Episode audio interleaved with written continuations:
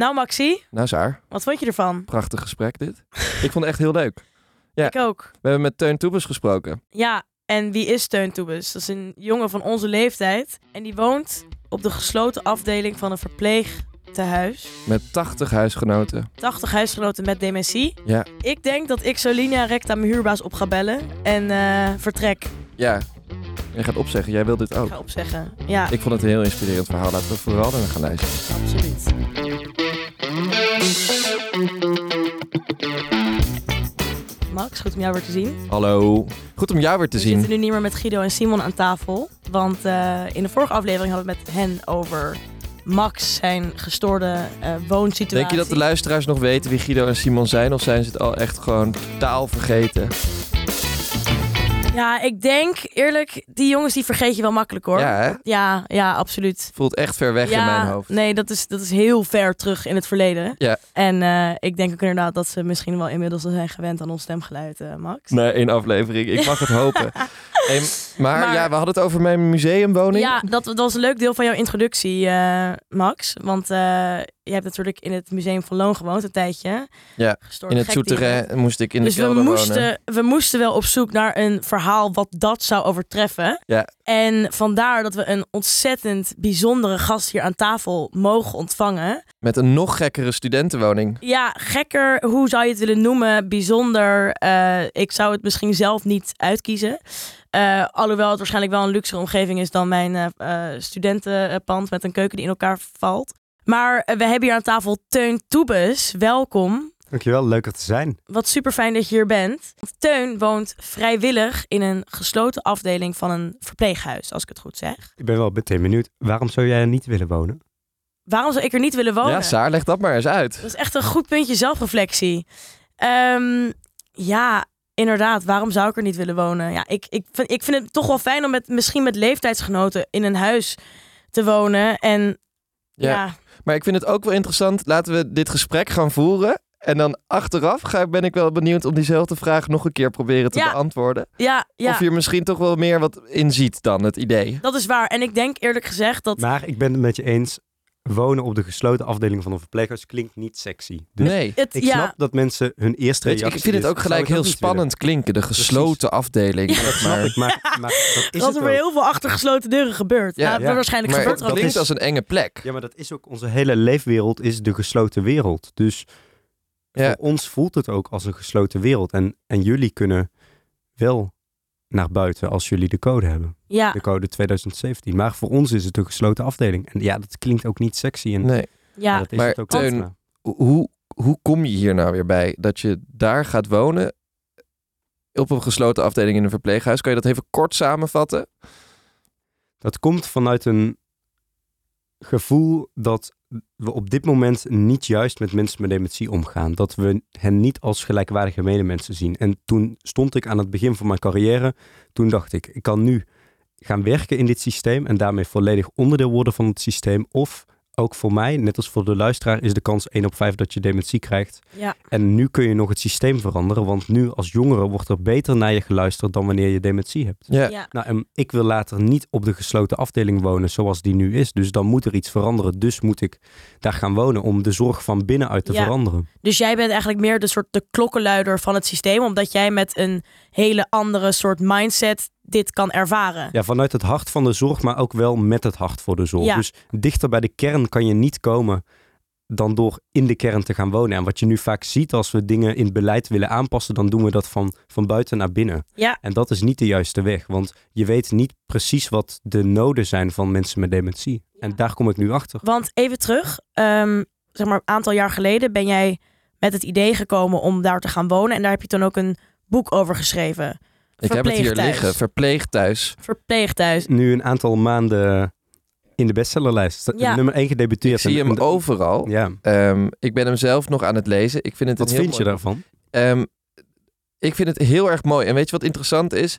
Ik ben zelf best wel een, een hypochonder. Dus Mhm. ik ben altijd op Mhm. het, zeker op het onderwerp ook dementie, word ik al helemaal een soort van angstig. En Ik heb dat precies ik hetzelfde. ben echt, ik wil er eigenlijk zo ver mogelijk weg van blijven uit een soort toch angstig gevoel en het niet kunnen begrijpen. En ehm, ik was e- even huiverig of ik dit boek dan wel goed zou trekken eigenlijk. Dat of Mhm. daar dan heel erg mee bezig te zijn of dat mijn stemming dan heel erg zou beïnvloeden of zoiets. Nou, je ziet er nog vrolijk Ik uit. leef nog. En Ja. sterker nog, ik vind het heel leuk om s'avonds voor het slapen gaan te lezen. En ik was daar totaal verbaasd over dat eh, al deze verhalen over dementerende mensen. Mensen met dementie. Sorry, je mensen- ook geen kankerende mensen. Dus Wow, dat, Dat is is- echt heel erg goed dat je dat zegt. ja, dat is midden in het hart natuurlijk. Ja, Maar dat zit hem in het stigma dat we met elkaar hebben over dementie. Dat, dat we dus in ons taal gebruiken. En, en dat is precies de reden Wat- waarom het ja. nodig is dat we het hier nu over hebben. Want dat stigma, dat zorgt er dus voor dat dementie tot een sociale dood is gecreëerd. Maar ja. dat is niet wat mijn huisgenoten willen ervaren. Nee, Ja, en je zegt, ik vind dat dan heel interessant. Jij noemt dus deze mensen waar je natuurlijk mee woont, dat zijn gewoon jouw huisgenoten. Ja. Dus, maar je blijft natuurlijk ook een student. Je bent een masterstudent zorgethiek aan de Universiteit Utrecht. Hoe is het om, een om je studentenleven te leiden vanuit eh, zo'n ja, instantie? Ja, fantastisch. En waarom? Omdat het een verrijking is voor iedereen. Mijn huisgenoot Leni bijvoorbeeld, die een aantal maanden geleden is overleden, in het begin van mijn studie, toen las zij al mijn artikelen mee. En dan zei zij welk artikel zij interessant vond. Maar Tineke bijvoorbeeld, Tineke heeft altijd in Amsterdam gewerkt en gewoond. Hier is ze opgegroeid, ze is Joods van origine, maar ze heeft hier een eigen winkel gehad, een eigen schoonheidssalon en zij sprak dus heel vaak Engelstalig. En nu, al mijn colleges zijn natuurlijk Engelstalig, dus Tineke luistert dat mee. En dan wat kan het leuk. me- komen er weer Engelse woorden bovendrijven. En dat was natuurlijk met ja, dat hele online onderwijs heel fijn dat ik dat vanuit het verpleeghuis kon volgen. Maar jouw al mijn, huisgenoten mijn- studeerden mee. ja, maar- maar mijn groepsgenoten, ja, als je het collegegat ook zal delen, dan is dat helemaal. Maar zo is het dan weer niet. Maar Ja, mijn, mijn huisgenoten zaten ook vaak bij werkgroepen eh, naast mij. En dan had ik wel de eh, computer op mij gericht. En soms viel hij zij in slaap en soms niet. En dan draaide ik de camera en dan ze- zei ik, Ad, wat vind jij ervan? Ja. ja. en Ad is een hele Utrechtse, markante... Ja. ehm, ja, jullie kennen hem waarschijnlijk wel van Instagram. Ja, Hij- ik vind het heel leuk om uit. jou en Ad te zien. Het lijken echt twee Ja, wij- beste vrienden. Ja, hoe jullie dat zijn we ook. Ja, Dat dat, vind ik echt heel bijzonder. Want wat voor, eh, ik probeer mezelf even in jou in te leven. Wat voor soort relatie heb jij met, met, met, met deze huisgenoot? Want soort van, ik, ik heb huisgenoten. Ja, je, ik vriendschappen zoals Ja. jij ze ook hebt met jouw huisgenoten. Dus dat is exact hetzelfde. Maar we, zijn er dingen die je, die je wel en die je juist niet met hen kan bespreken? Misschien hoe je dat wel zou kunnen met Je leeftijdsgenoten? kan alles bespreken. Ja, Ad heeft nog meer leven. Hij heeft bijna vier keer zoveel levenservaring dan Ja. ik heb. Op het moment dat ik zo meteen weer thuis kom op de gesloten afdeling, dan komt Ad direct naar mij toe binnen vijf minuten en dan vraagt hij: Waar ben je geweest? En eh, waarom duurde dat zo lang? En dan komt hij mij zo meteen alweer vragen of dat ik vanavond bij hem voetbal kom kijken. En dan zitten wij dus samen naar een voetbalwedstrijd te kijken. En ik vind voetbal vreselijk, maar dan vind ik het heel leuk. ja, Ja, en jullie zitten ook wel eens Dus- aan een biertje, zag ik op ja, eh, en voor mij is dat, dat, ja, dat, dat is ook sociaal contact. Dus dat is natuurlijk super mooi. En zeker ook dat je dit kunt delen. Het maakt je ook heel. Het, het zet je als jongere ook wel op je plek. in welk Want- opzicht? Nou, je daar wat gisteravond ehm, heb ik eh, een paar uur de hand vastgehouden van mijn tegenover buurvrouw Ellie. En ja, ik weet dat zij de komende dagen eh, komt te overlijden. Dus Mhm. dat, dat, dan denk je, je wordt ook ge- geconfronteerd met ja, de, de fragiliteit van het leven. En, Ja. en dat is heel bijzonder, omdat Is het niet ook ervaren. ongelooflijk zwaar als we toch een soort eerlijker gesprek Ja. erover kunnen hebben? Het klinkt Nee, heel zwaar. Bijvoorbeeld, het- jij zegt dat jouw overbuurvrouw dus komt te overlijden de komende tijd. ja, maar- Huisgenoot. Huisgenoot is Ja. dat. Ja, maar gemiddeld leeft iemand, en dat, dit kan ik rationeel zeggen, dus gemiddeld leeft iemand acht maanden in een verpleeghuis in Nederland en dan is diegene overleden. Dus ik weet rationeel dat, dat mensen komen te overlijden. En ik weet dat mijn huisgenoten die ik heb ontmoet toen ik daar kwam, het overgrote merendeel daarvan ehm, leeft niet meer. Dat is de realiteit van wonen in een verpleeghuis. En ik weet, natuurlijk voelt het verdrietig en, en, en, en is dat soms moeilijk, maar tegelijkertijd is dat wel het onderdeel van het leven daar. En ik weet dat ehm, ja, de dood net zo bij het leven hoort als dat biertje met Ad. Ja, en zijn, zijn er momenten waarin of waarop je ehm, ja, daar natuurlijk ook op reflecteert en soms denkt van had ik niet liever iets Nee, maar anders gedaan of heb het je gaat daar niet over liever of niet. Ja. Het gaat erover dat ik, ik heb een hele duidelijke missie. Daar doe ik alles voor in mijn leven. Daar heb ik dus letterlijk veel Wat is vrij- die missie, als je het moet samenvatten? Ja, het verbeteren van de levenskwaliteit van mensen met dementie vanuit een gelijkwaardige rol. Dus als huisgenoot ben ik gelijkwaardig. En ik vind dat, dat je, zeker ook wij als jongeren moeten onszelf zorgen maken over de toekomst van mensen met dementie. En als ik dan Als we dan kijken naar de cijfers, nu leven 280.000 mensen met dementie. Dat verdubbelt binnen 20 jaar. Er komen niet meer verpleeghuisplekken bij. Dat moeten we ook niet willen, want een verpleeghuis is ook niet de oplossing. Op dit moment kost de totale verpleeghuiszorg ons als samenleving 18 miljard euro per jaar, ruwweg. Dat is een enorme hoeveelheid met geld dat wij als maatschappij betalen. En op het moment dat het aantal mensen met dementie gaat toenemen, dan betekent dat dus ook dat zij meer tot het op het straatbeeld zullen zijn. Daar zullen zij meer tot behoren. Ja. Dus het gaat ook juist over onze toekomst. En, En- die hele cultuurverandering waar ik over schrijf, dat, Ja. dat, dat duurt langer dan die acht maanden. Dus het gaat ook over de toekomst van onze ouders. Het gaat ook over de toekomst van onszelf. En als ik dat, dat besef ik mezelf iedere dag, ieder moment dat ik op die gesloten afdeling ben. En wat zou dan wel een oplossing zijn, volgens jou? Want het was dat, jou, jouw boek is natuurlijk ook een, een, een, ja, een kritiekstuk op de manier waarmee wij, waarop wij nu met mensen met dementie omgaan. Wat zou een betere oplossing zijn? Geloof jij dan meer in dat families eh, die Nee, taak het op is, zich moeten het is nemen? niet zo zwart-wit. En, en zeker ook niet. Niets is zwart-wit als je kijkt naar hoe mensen met dementie leven. Want sommige huisgenoten van mij hebben geen families. Die van Tineke bijvoorbeeld is vermoord tijdens de razzia. Ja. Dus je kunt niet van haar familie vragen dat zij iets doen. Dus eh, dat is heel moeilijk juist aan, aan zorg voor oudere mensen. Tegelijkertijd geloof ik erin dat alles begint bij een kijk. Dus ik zeg altijd anders kijken is anders doen. Op het moment dat wij als mensen, als jongeren, anders kijken naar oudere mensen met dementie, dan gaan we automatisch ook anders tegen hen doen. En dat is bijna hetzelfde als met klimaatverandering. Tien jaar geleden werd er ook heel anders naar dat vraagstuk gekeken. En nu met steeds meer bewustwording passen we ook langzaam ons gedrag daarop aan. Dus En hoe, hoe zou jij, eh, op welke manier zou je graag, zeg maar, zou je die blik van jongeren op ouderen met dementie zien? dat gaat ook om het zien van de potentie van mensen met dementie. Dat wat zij nog wel kunnen en die bijdrage die zij nog wel kunnen leveren. En dat we dus ook als samenleving de vraag moeten stellen of het überhaupt oké is dat mensen met dementie op een gesloten afdeling wonen. Op het moment dat ik jou vraag, Sarah, zou jij op een gesloten afdeling willen wonen? Ja, ik, ik, ik, denk, ik denk niet dat ik, dat ik op een gesloten afdeling zou willen wonen. Daar ben ik wel eerlijk in. Dat zou ik ook niet willen, denk ik. Nee, en dat is dus precies het punt. Op het moment dat wij dat nu als jongeren al niet willen, hoe groot is die weerstand als wij later ouder zijn? Ja. Als wij daar niet op Maar willen waar, wonen. waar, wat zou dan een betere oplossing Nou, zijn? Sterker nog, er zijn op kleine schaal initiatieven die laten zien dat gesloten afdelingen niet nodig zijn. En ik vind het waanzin dat in een land als Nederland, dat zichzelf een inclusieve samenleving noemt, Mhm.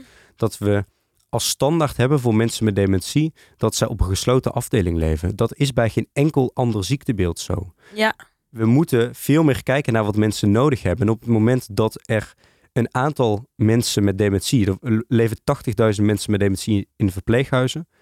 Op het moment dat er een aantal incidenten gebeuren, stel je voor iemand die gaat een ronde wandelen, wat wij dus de, vanuit ons perspectief dwalen noemen, of iemand is verdwaald. Misschien gaat iemand gewoon wandelen in de beleving. Iemand blijft buiten zitten, stel je voor het is heel koud, iemand bevriest. Oké, als dat een aantal keer per jaar gebeurt, betekent dat dan dat we de collectieve vrijheid van 80.000 mensen zo sterk moeten beperken? ja Of precies. accepteren Dus je we een meer- bepaalde ziet mate dat van meer risico? Vanuit, ja, vanuit, vanuit de positie van er, er is een, een margin of error.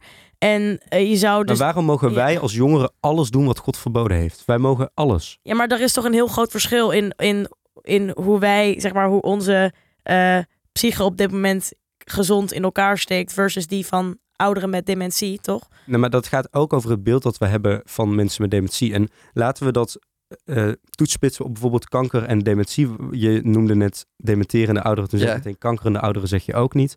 Op het moment dat iemand de uitslag krijgt van een chemo, waar het misgaat in onze westerse samenleving, is dat we het enorme, bijna rationaliteit is, is verheven boven alles. Dus als je rationeel kunt beargumenteren, dat is het antwoord.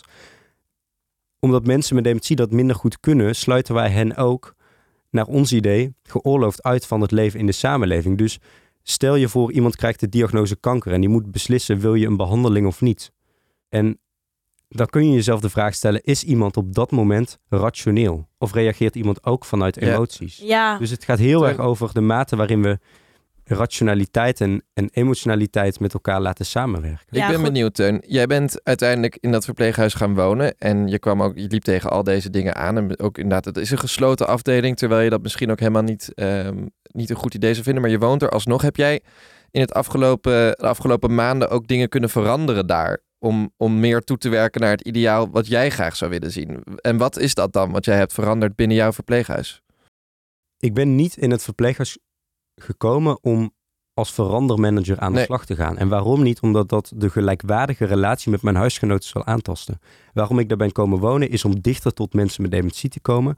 Die ervaringen die staan beschreven. En daar moeten we als samenleving achter gaan staan. Maar wat het allerbelangrijkste is, is dat wij met elkaar na gaan denken... hoe willen wij later zelf leven Ja. met dementie?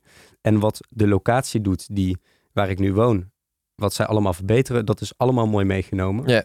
Maar de echte verandering, Ik die moet daarbuiten. Ik las ook dat je wel de vrijmibo hebt geïntroduceerd. Natuurlijk, ja. Ja.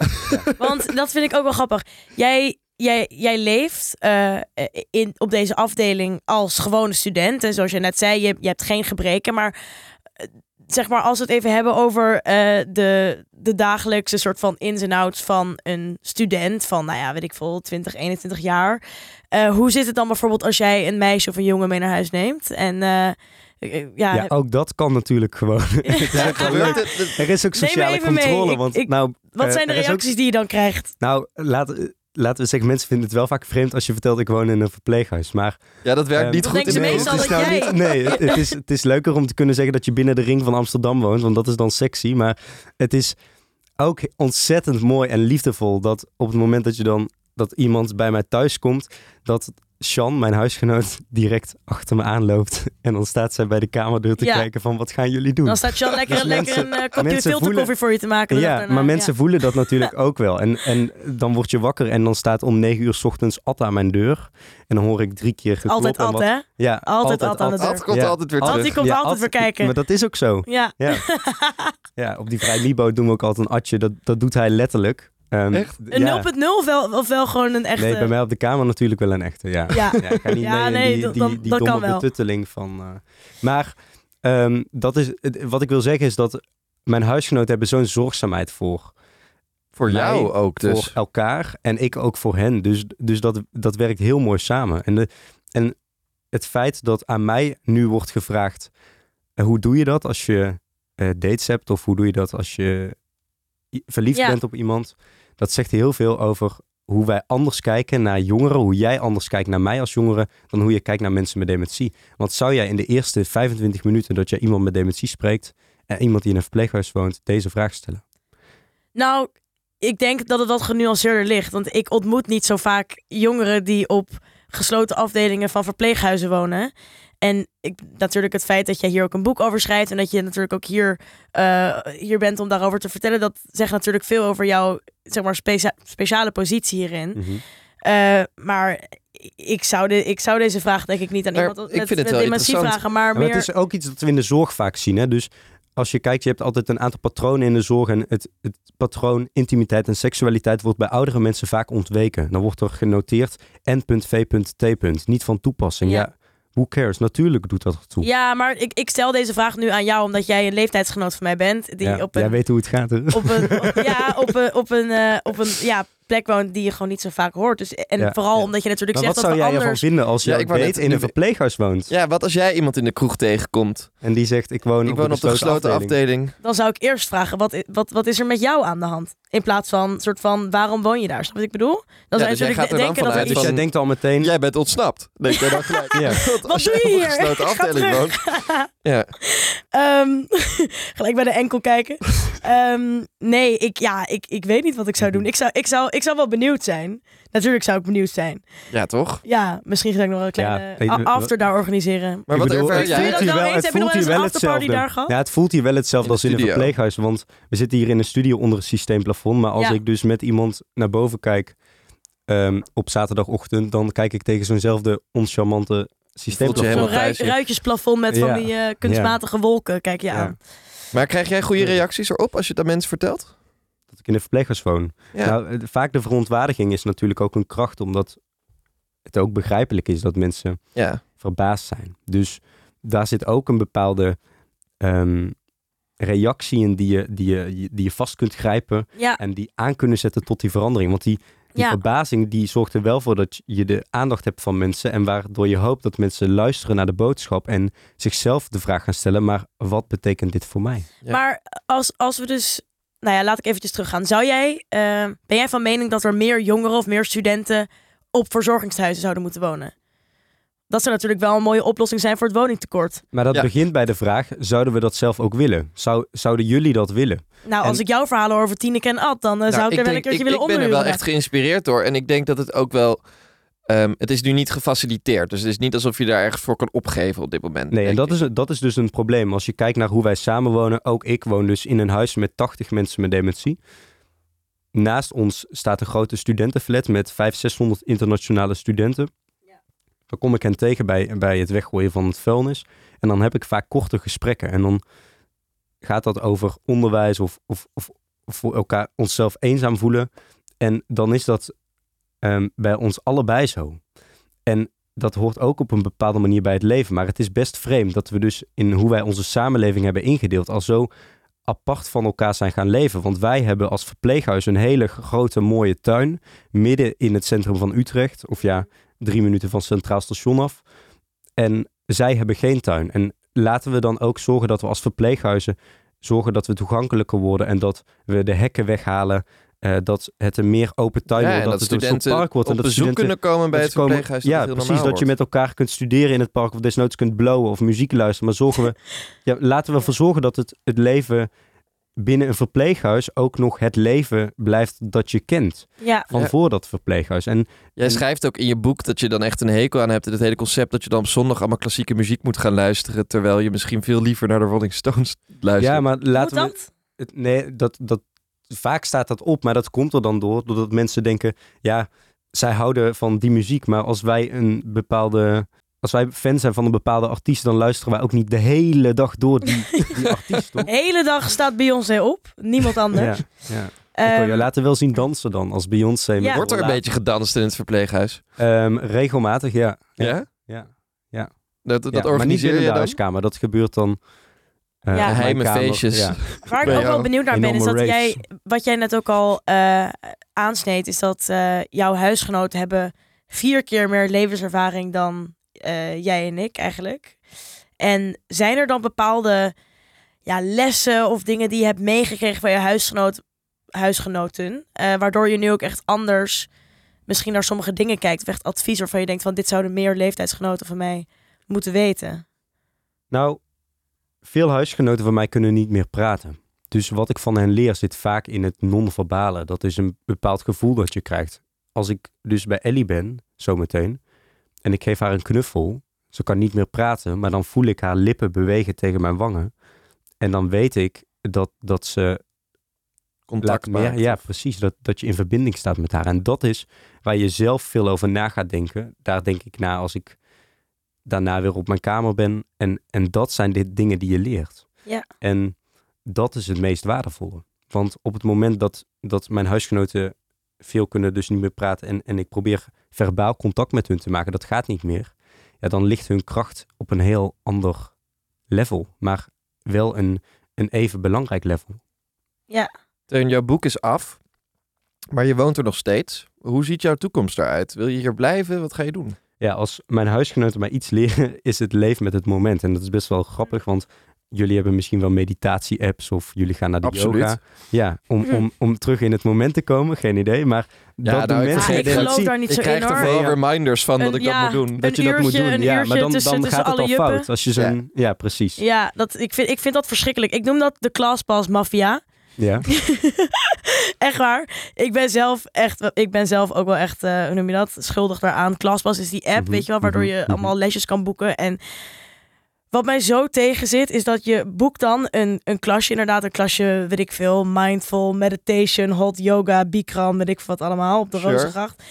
En dan ben je dus dat uurtje, ben je helemaal één met je onderbewustzijn en helemaal soort van met, met gewoon Deel van de helemaal kosmos. deel van de ja, en, kosmos. en daarna En dan krijg je een daarna- melding van Deliveroo. Dat, ja, dat je maar dan daarna zo- is iedereen ook zo onaardig tegen elkaar. Echt gewoon van die vreselijke Wat zegt vrouwen. dat eigenlijk over de de Ja. essentie van de mens. Ja, dat als we ja. goed dicht bij onszelf komen. Echt zo erg. Dan denk je van, compenseert dit nu voor jouw verschrikkelijke houding bij de, bij de lokkers, weet je wel? Ja, maar dat is Dus- dus, eh, wat mensen met dementie leven vaak in het moment. En dat is ook ontzettend mooi om dat met hen te kunnen delen. Precies. En ik weet dus daarom ook niet wat ik over een jaar doe. Ik weet ook niet of jullie dat exact weten. Maar wat ik wel weet is dat ik altijd zal staan voor deze missie. En daar ja, mijn leven voor wil geven.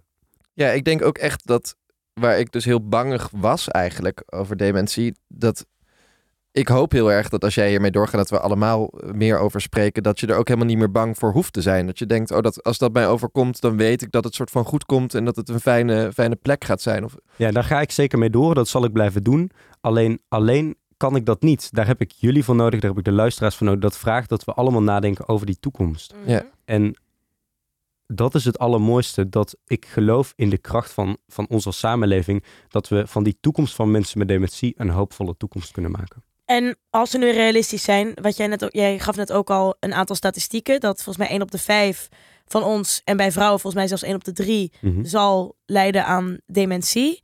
Ehm, hoe kijk jij naar een, ja, naar, naar dus zo'n statistiek van dat jij ook 1 op de 5 zou kunnen zijn die straks dementie zal krijgen? Of Ja. ik 1 op de 3? Weet je, kijk je nu ook Ik- anders echt naar die ziekte?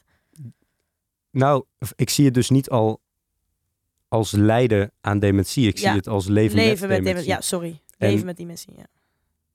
ik ben niet bang om dementie te krijgen, omdat ik ook ervaar en, en zie dat, dat mensen met dementie gelukkig kunnen zijn. Op het moment dat hun omgeving hen accepteert zoals zij zijn. Op, de- op de manier waarop ze zichzelf willen uiten. In die laatste fase van hun leven.